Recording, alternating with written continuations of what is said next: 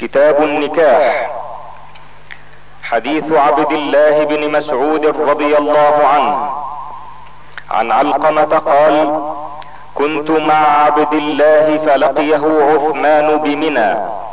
فقال يا أبا عبد الرحمن إن لي إليك حاجة. فخليا. فقال عثمان هل لك يا أبا عبد الرحمن في أن نزوجك بكرا؟ تذكرك ما كنت تعهد.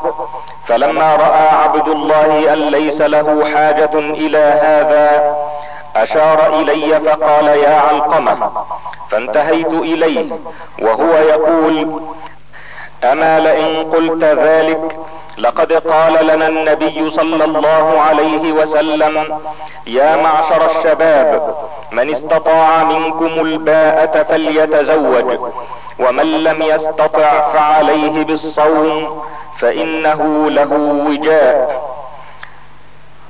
وعن أنس بن مالك رضي الله عنه قال جاء ثلاثة رهط إلى بيوت أزواج النبي صلى الله عليه وسلم يسألون عن عبادة النبي صلى الله عليه وسلم. فلما أخبروا كأنهم تقالوها فقالوا وأين نحن من النبي صلى الله عليه وسلم؟ قد غفر له ما تقدم من ذنبه وما تأخر. قال أحدهم أما أنا فإني أصلي الليل أبدا. وقال آخر أنا أصوم الدهر ولا أفطر. وقال آخر أنا أعتزل النساء فلا أتزوج أبدا. فجاء رسول الله صلى الله عليه وسلم فقال أنتم الذين قلتم كذا وكذا اما والله إني لأخشاكم لله وأتقاكم له لكني أصوم وأفطر وأصلي وأرقد وأتزوج النساء فمن رغب عن سنتي فليس مني.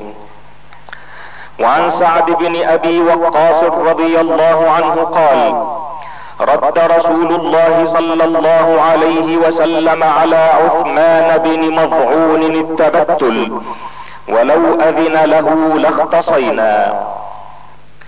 باب نكاح المتعة وبيان أنه أبيح ثم نسخ ثم أبيح ثم نسخ واستقر تحريمه إلى يوم القيامة.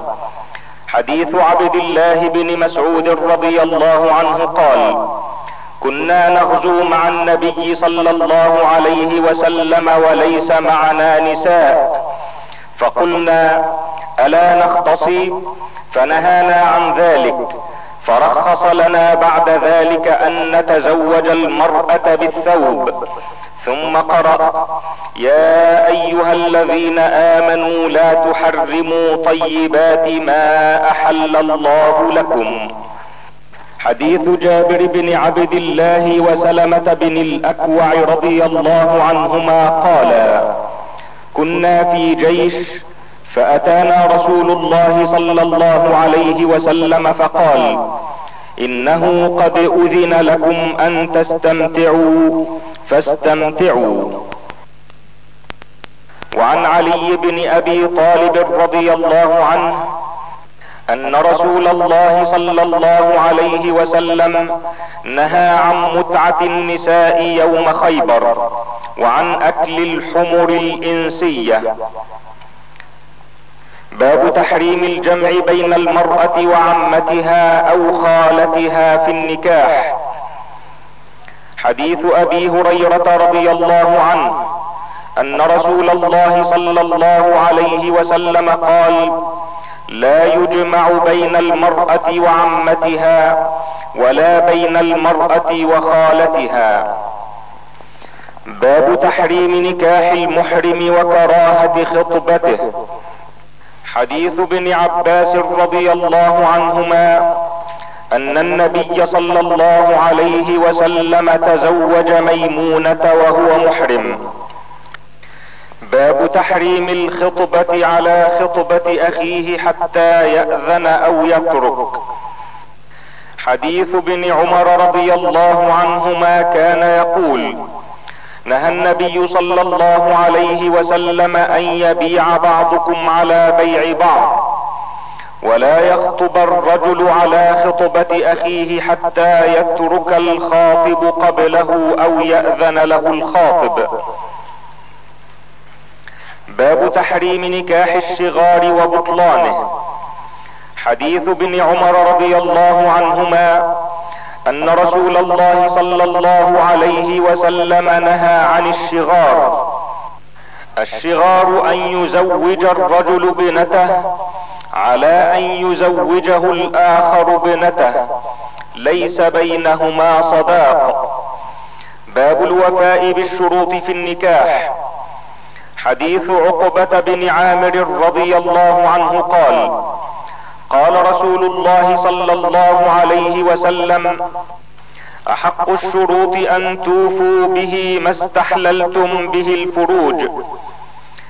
باب استئذان الثيب في النكاح بالنطق والبكر بالسكوت. حديث أبي هريرة رضي الله عنه أن النبي صلى الله عليه وسلم قال لا تنكح الأيم حتى تستأمر ولا تنكح البكر حتى تستأذن. قالوا يا رسول الله وكيف إذنها؟ قال أن تسكت. وعن عائشة رضي الله عنها قالت قلت يا رسول الله يستأمر النساء في أبضاعهن؟ قال نعم. قلت فإن البكر تستأمر فتستحي فتسكت. قال سكاتها إذنها. باب تزويج الأب البكر الصغيرة. حديث عائشة رضي الله عنها قالت تزوجني النبي صلى الله عليه وسلم وأنا بنت ست سنين فقدمنا المدينة. فنزلنا في بني الحارث بن خزرج فوعدت فتمرق شعري فوفى جميمة فأتتني أمي أم رومان وإني لفي أرجوحة ومعي صواحب لي فصرخت بي فأتيتها لا أدري ما تريد بي فأخذت بيدي حتى أوقفتني على باب الدار وإني لأنهج حتى سكن بعض نفسي ثم أخذت شيئا من ماء فمسحت به وجهي ورأسي ثم أدخلتني الدار فإذا نسوة من الأنصار في البيت فقلن على الخير والبركة وعلى خير طاهر.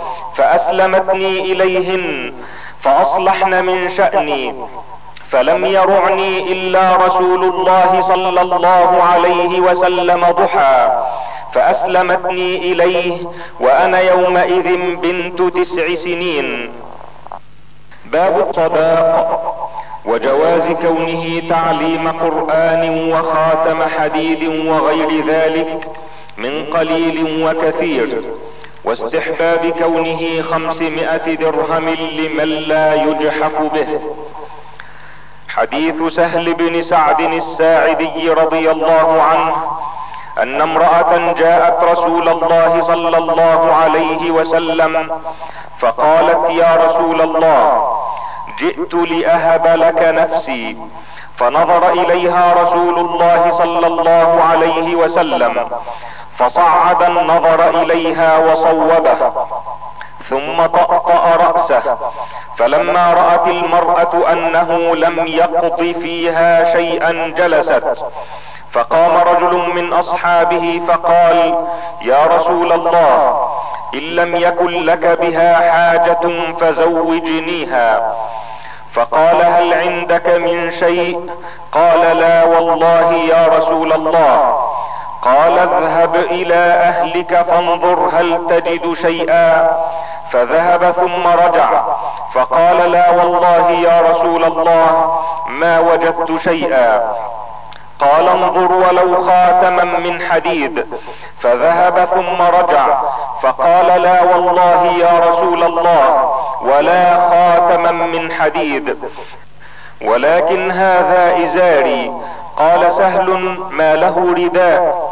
فلها نصفه. فقال رسول الله صلى الله عليه وسلم ما تصنع بإزارك. إن لبسته لم يكن عليها منه شيء. وإن لبسته لم يكن عليك شيء. فجلس الرجل حتى طال مجلسه. ثم قام. فرآه رسول الله صلى الله عليه وسلم موليا. فأمر به فدعي. فلما جاء قال ماذا معك من القرآن؟ قال معي سورة كذا وسورة كذا وسورة كذا عدها. قال اتقرأهن عن ظهر قلبك؟ قال نعم. قال اذهب فقد ملكتكها بما معك من القرآن. وعن أنس رضي الله عنه أن النبي صلى الله عليه وسلم رأى على عبد الرحمن بن عوف أثر صفرة.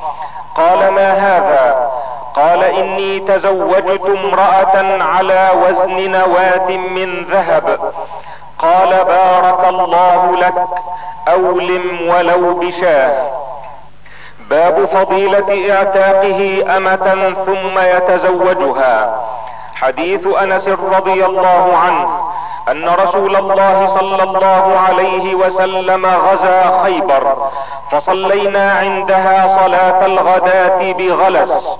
فركب نبي الله صلى الله عليه وسلم وركب أبو طلحة وأنا رديف أبي طلحة. فأجرى نبي الله صلى الله عليه وسلم في زقاق خيبر وإن ركبتي لتمس فخذ نبي الله صلى الله عليه وسلم ثم حسر الإزار عن فخذه حتى إني أنظر إلى بياض فخذ نبي الله صلى الله عليه وسلم فلما دخل القرية قال الله أكبر! خربت خيبر. إنا إذا نزلنا بساحة قوم فساء صباح المنذرين. قالها ثلاثا قال وخرج القوم إلى أعمالهم. فقالوا محمد والخميس يعني الجيش. قال فأصبناها عنوة فجمع السبي.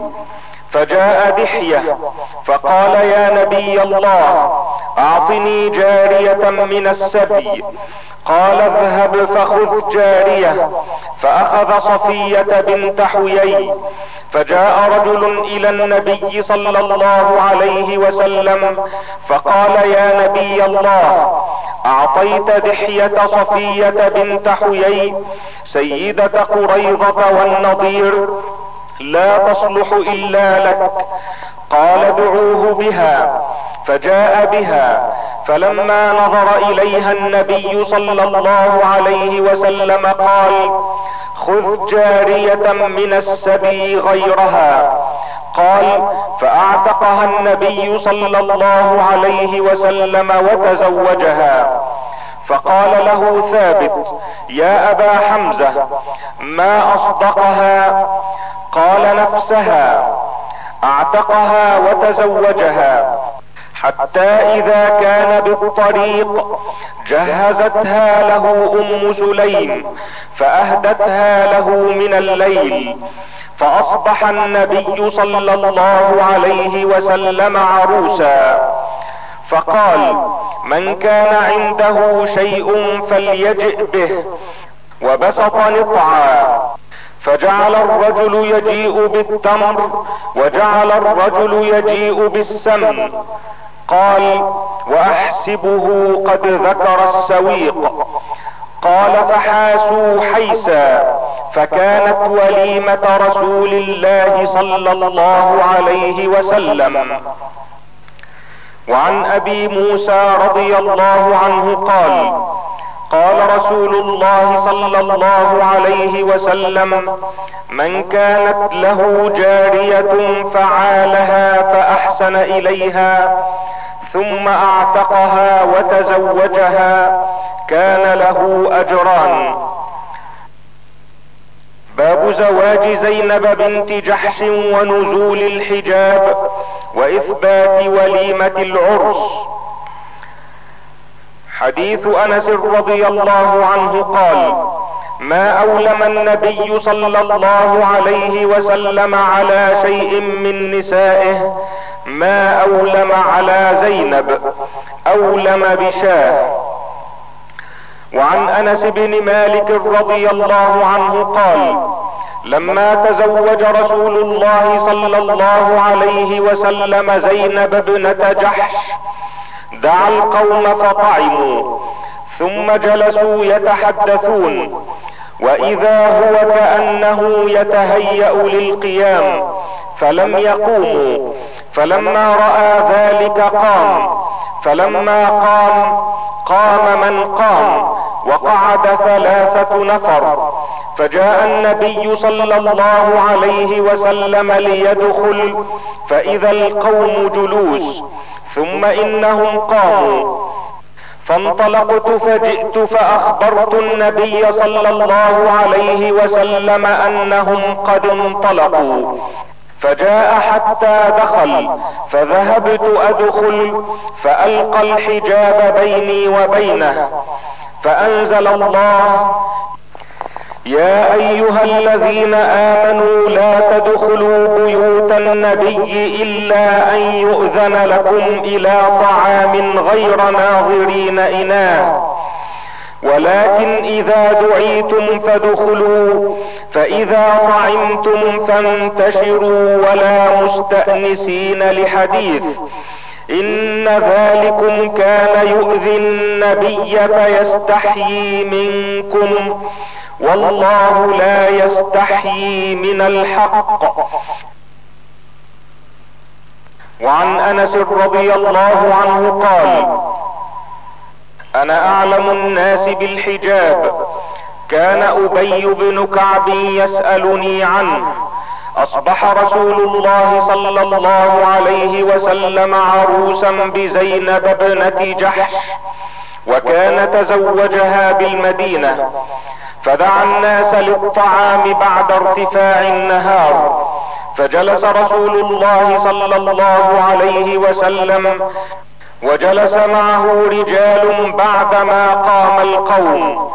حتى قام رسول الله صلى الله عليه وسلم فمشى ومشيت معه حتى بلغ باب حجرة عائشة ثم ظن أنهم خرجوا. فرجعت معه فإذا هم جلوس مكانهم. فرجع ورجعت معه الثانية حتى بلغ باب حجرة عائشة. فرجع ورجعت معه فإذا هم قد قاموا. فضرب بيني وبينه سترا وأنزل الحجاب. وعن أنس بن مالك رضي الله عنه قال كان النبي صلى الله عليه وسلم إذا مر بجنبات أم سليم دخل عليها فسلم عليها. ثم قال كان النبي صلى الله عليه وسلم عروسا بزينب فقالت لي أم سليم لو أهدينا لرسول الله صلى الله عليه وسلم هدية فقلت لها افعلي.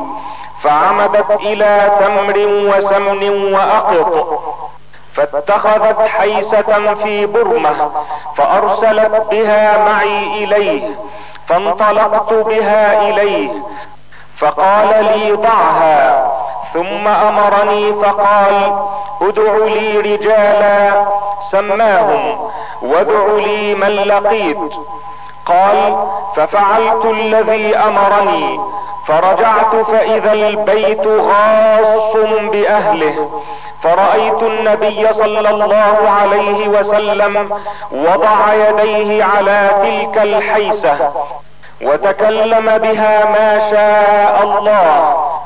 ثم جعل يدعو عشرة عشرة يأكلون منه ويقول لهم اذكروا اسم الله. وليأكل كل رجل مما يليه. قال حتى تصدعوا كلهم عنها فخرج منهم من خرج. وبقي نفر يتحدثون. قال وجعلت أغتم. ثم خرج النبي صلى الله عليه وسلم نحو الحجرات وخرجت في إثره. فقلت إنهم قد ذهبوا.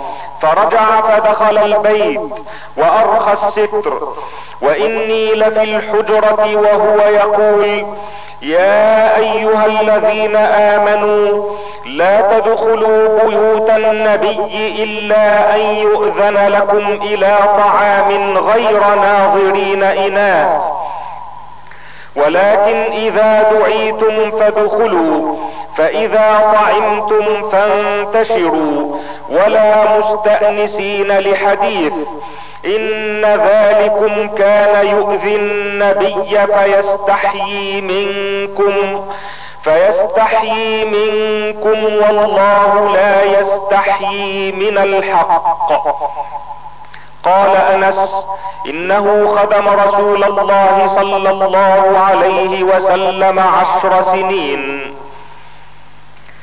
باب الأمر بإجابة الداعي إلى دعوة. حديث عبد الله بن عمر رضي الله عنهما أن رسول الله صلى الله عليه وسلم قال إذا دعي أحدكم إلى الوليمة فليأتها. وعن أبي هريرة رضي الله عنه أنه كان يقول شر الطعام طعام الوليمة يدعى لها الأغنياء ويترك الفقراء ومن ترك الدعوة فقد عصى الله ورسوله صلى الله عليه وسلم.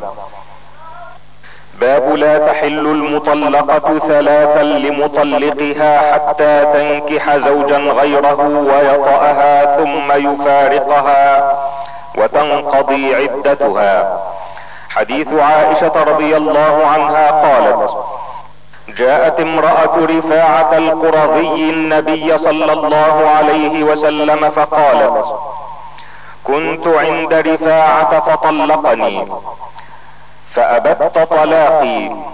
فتزوجت عبد الرحمن بن الزبير. إنما معه مثل هدبة الثوب. فقال أتريدين أن ترجعي إلى رفاعة؟ لا حتى تذوقي عسيلته ويذوق عسيلتك. وأبو بكر جالس عنده. وخالد بن سعيد بن العاص بالباب ينتظر أن يؤذن له. فقال يا أبا بكر ألا تسمع إلى هذه ما تجهر به عند النبي صلى الله عليه وسلم. وعن عائشة رضي الله عنها أن رجلا طلق امرأته ثلاثا فتزوجت فطلق. فسئل النبي صلى الله عليه وسلم أتحل للأول؟ قال لا حتى يذوق عسيلتها كما ذاق الأول. باب ما يستحب أن يقوله عند الجماع. حديث ابن عباس رضي الله عنهما قال قال النبي صلى الله عليه وسلم أما لو أن أحدكم يقول حين يأتي أهله بسم الله اللهم جنبني الشيطان وجنب الشيطان ما رزقتنا ثم قدر بينهما في ذلك أو قضي ولد لم يضره شيطان أبدا. باب جواز جماعة امرأته في قبلها من قدامها ومن ورائها من غير تعرض للدبر. حديث جابر رضي الله عنه قال كانت اليهود تقول إذا جامعها من ورائها جاء الولد أحول فنزلت نساؤكم حرث لكم فأتوا حرثكم أنا شئتم. باب تحريم امتناعها من فراش زوجها. حديث أبي هريرة رضي الله عنه قال قال النبي صلى الله عليه وسلم إذا باتت المرأة مهاجرة فراش زوجها لعنتها الملائكة حتى ترجع. باب حكم العزل. حديث أبي سعيد الخدري رضي الله عنه قال خرجنا مع رسول الله صلى الله عليه وسلم في غزوة بني المصطلق فأصبنا سبيا من سبي العرب فاشتهينا النساء واشتدت علينا العزبة وأحببنا العزل فأردنا أن نعزل وقلنا نعزل ورسول الله صلى الله عليه وسلم بين أظهرنا قبل أن نسأله فسألناه عن ذلك فقال ما عليكم ألا تفعلوا ما من نسمة كائنة إلى يوم القيامة إلا وهي كائنة. وعن أبي سعيد الخدري رضي الله عنه قال أصبنا سبيا فكنا نعزل فسألنا رسول الله صلى الله عليه وسلم فقال أو انكم لتفعلون قالها ثلاثا ما من نسمة كائنة إلى يوم القيامة إلا هي كائنة. وعن جابر رضي الله عنه قال كنا نعزل والقرآن ينزل. كتاب الرضاعة باب يحرم من الرضاعة ما يحرم من الولادة. حديث عائشة رضي الله عنها زوج النبي صلى الله عليه وسلم أن رسول الله صلى الله عليه وسلم كان عندها. وأنها سمعت صوت رجل يستأذن في بيت حفصة. قالت عائشة فقلت يا رسول الله أراه فلانا لعم حفصة من الرضاعة فقالت عائشة يا رسول الله هذا رجل يستأذن في بيتك. قالت فقال رسول الله صلى الله عليه وسلم أراه فلانا. لعم حفصة من الرضاعة فقالت عائشة لو كان فلان حيا لعمها من الرضاعة دخل علي. فقال رسول الله صلى الله عليه وسلم نعم إن الرضاعة تحرم ما يحرم من الولادة. باب تحريم الرضاعة من ماء الفحل حديث عائشة رضي الله عنها قالت استأذن علي أفلح أخو أبي القعيس بعدما أنزل الحجاب. فقلت لا آذن له حتى أستأذن فيه النبي صلى الله عليه وسلم. فإن أخاه أبا القعيس ليس هو أرضعني ولكن أرضعتني امرأة أبي القعيس.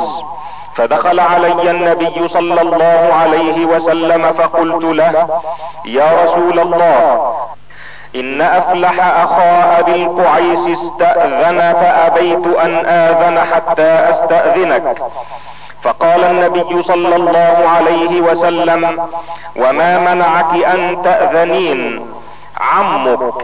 قلت يا رسول الله إن الرجل ليس هو أرضعني ولكن أرضعتني امرأة أبي القعيس فقال أذني له فإنه عمك تربت يمينك.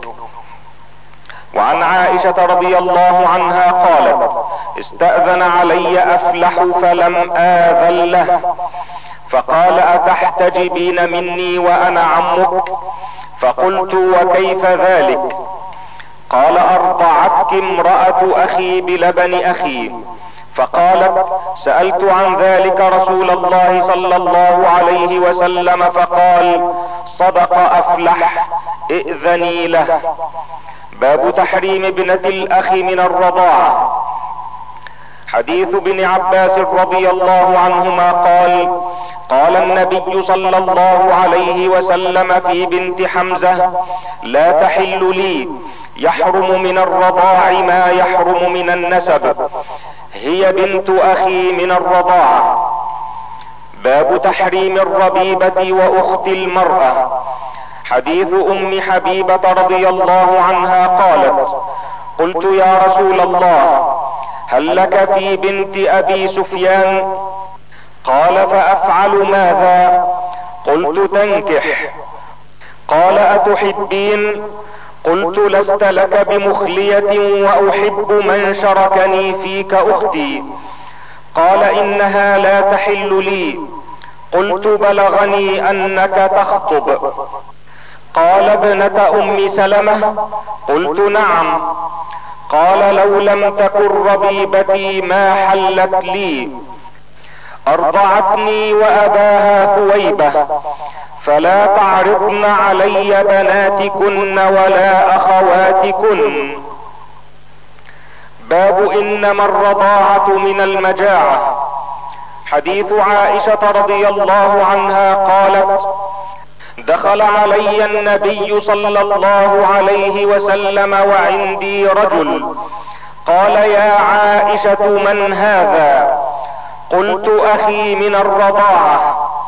قال يا عائشة انظرن من إخوانكن فانما الرضاعة من المجاعة.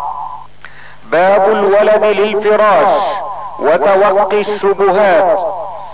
حديث عائشة رضي الله عنها قالت اختصم سعد بن أبي وقاص وعبد بن زمعة في غلام. فقال سعد هذا يا رسول الله ابن أخي عتبة بن أبي وقاص. عهد إلي أنه ابنه. انظر إلى شبهه.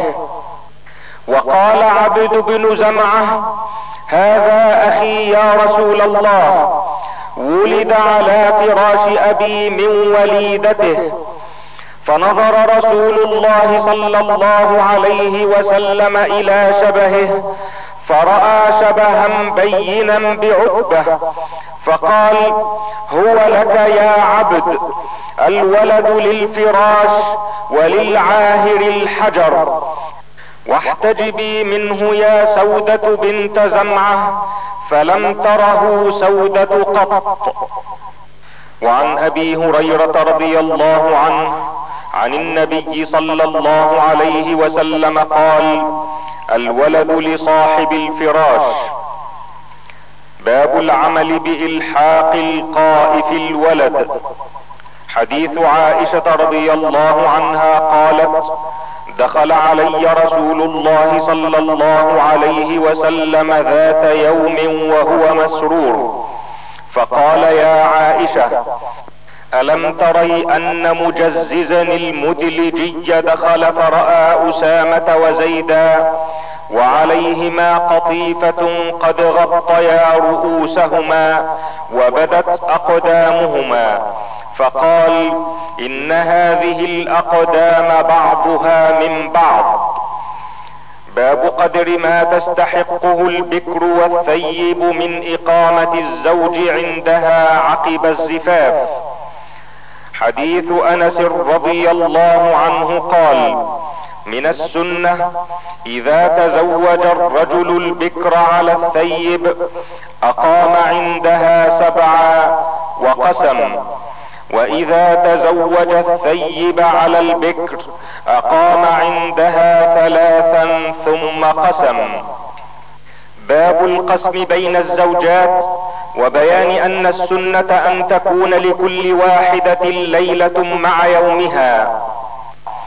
حديث عائشة رضي الله عنها قالت كنت أغار على اللاتي وهبن أنفسهن لرسول الله صلى الله عليه وسلم وأقول أتهب المرأة نفسها فلما أنزل الله تعالى ترجي من تشاء منهن وتؤوي إليك من تشاء ومن ابتغيت ممن عزلت فلا جناح عليك. قلت ما أرى ربك إلا يسارع في هواك. باب جواز هبتها نوبتها لضرتها. حديث ابن عباس رضي الله عنه. عن عطاء قال حضرنا مع ابن عباس جنازة ميمونة بسرف. فقال ابن عباس هذه زوجة النبي صلى الله عليه وسلم فإذا رفعتم نعشها فلا تزعزعوها ولا تزلزلوها وارفقوا. فإنه كان عند النبي صلى الله عليه وسلم تسع كان يقسم لثمان ولا يقسم لواحدة. باب استحباب نكاح ذات الدين. حديث أبي هريرة رضي الله عنه عن النبي صلى الله عليه وسلم قال تنكح المرأة لأربع. لمالها ولحسبها وجمالها ولدينها فاظفر بذات الدين تربت يداك. باب استحباب نكاح البكر. حديث جابر بن عبد الله رضي الله عنهما قال تزوجت فقال لي رسول الله صلى الله عليه وسلم ما تزوجت؟ فقلت تزوجت ثيبا. فقال ما لك وللعذارى ولعابها؟ قال محارب أحد رجال السند فذكرت ذلك لعمرو بن دينار فقال عمرو سمعت جابر بن عبد الله يقول قال لي رسول الله صلى الله عليه وسلم هل لا جارية تلاعبها وتلاعبك؟ وعن جابر بن عبد الله رضي الله عنهما قال هلك أبي وترك سبع بنات أو تسع بنات فتزوجت امرأة ثيبا فقال لي رسول الله صلى الله عليه وسلم تزوجت يا جابر؟ فقلت نعم. فقال بكرا أم ثيبا؟ قلت بل ثيبا. قال فهل لا جارية تلاعبها وتلاعبك وتضاحكها وتضاحكك؟ قال فقلت له إن عبد الله هلك وترك بنات وإني كرهت أن أجيئهن بمثلهن فتزوجت امرأة تقوم عليهن وتصلحهن. فقال بارك الله أو خيرا. وعن جابر رضي الله عنه قال كنت مع رسول الله صلى الله عليه وسلم في غزوة فلما قفلنا تعجلت على بعير قطوف فلحقني راكب من خلفي فالتفت فإذا أنا برسول الله صلى الله عليه وسلم قال ما يعجلك؟ قلت إني حديث عهد بعرس قال فبكرا تزوجت أم ثيبا؟ قلت بل ثيبا. قال فهل لا جارية تلاعبها وتلاعبك؟ قال فلما قدمنا ذهبنا لندخل. فقال أمهلوا حتى تدخلوا ليلا أي عشاء لكي تمتشط الشعثة وتستحد المغيبة. وفي هذا الحديث أنه قال الكيس الكيس يا جابر يعني الولد. وعن جابر بن عبد الله رضي الله عنهما قال كنت مع النبي صلى الله عليه وسلم في غزاة فأبطأ بي جملي وأعيا. فأتى علي النبي صلى الله عليه وسلم فقال جابر فقلت نعم. قال ما شأنك؟ قلت أبطأ علي جملي وأعيا فتخلفت. فنزل يحجنه بمحجنه. ثم قال اركب. فركبت. فلقد رأيته أكفه عن رسول الله صلى الله عليه وسلم. قال تزوجت؟ قلت نعم. قال بكرا أم ثيبا؟ قلت بل ثيبا. قال أفلا جارية تلاعبها وتلاعبك؟ قلت إن لي أخوات. فأحببت أن أتزوج امرأة تجمعهن وتمشطهن وتقوم عليهن. قال أما إنك قادم فإذا قدمت فالكيس الكيس. ثم قال أتبيع جملك؟ قلت نعم فاشتراه مني بأوقية. ثم قدم رسول الله صلى الله عليه وسلم قبلي وقدمت بالغداء فجئنا إلى المسجد فوجدته على باب المسجد قال الآن قدمت؟ قلت نعم. قال فدع جملك فادخل فصل ركعتين فدخلت فصليت فأمر بلالا أن يزن له أوقية فوزن لي بلال فأرجح في الميزان فانطلقت حتى وليت فقال ادع لي جابرا. قلت الآن يرد علي الجمل ولم يكن شيء أبغض إلي منه. قال خذ جملك ولك ثمنه. باب الوصية بالنساء. حديث أبي هريرة رضي الله عنه أن رسول الله صلى الله عليه وسلم قال المرأة كالضلع إن أقمتها كسرتها. وإن استمتعت بها استمتعت بها وفيها عوج. وعن أبي هريرة رضي الله عنه عن النبي صلى الله عليه وسلم قال من كان يؤمن بالله واليوم الآخر فلا يؤذي جاره واستوصوا بالنساء خيرا فإنهن خلقن من ضلع وإن أعوج شيء في الضلع اعلاه فإن ذهبت تقيمه كسرته وإن تركته لم يزل أعوج فاستوصوا بالنساء خيرا. وعن أبي هريرة رضي الله عنه عن النبي صلى الله عليه وسلم قال لولا بنو إسرائيل لم يخنز اللحم ولولا حواء لم تخن أنثى زوجها.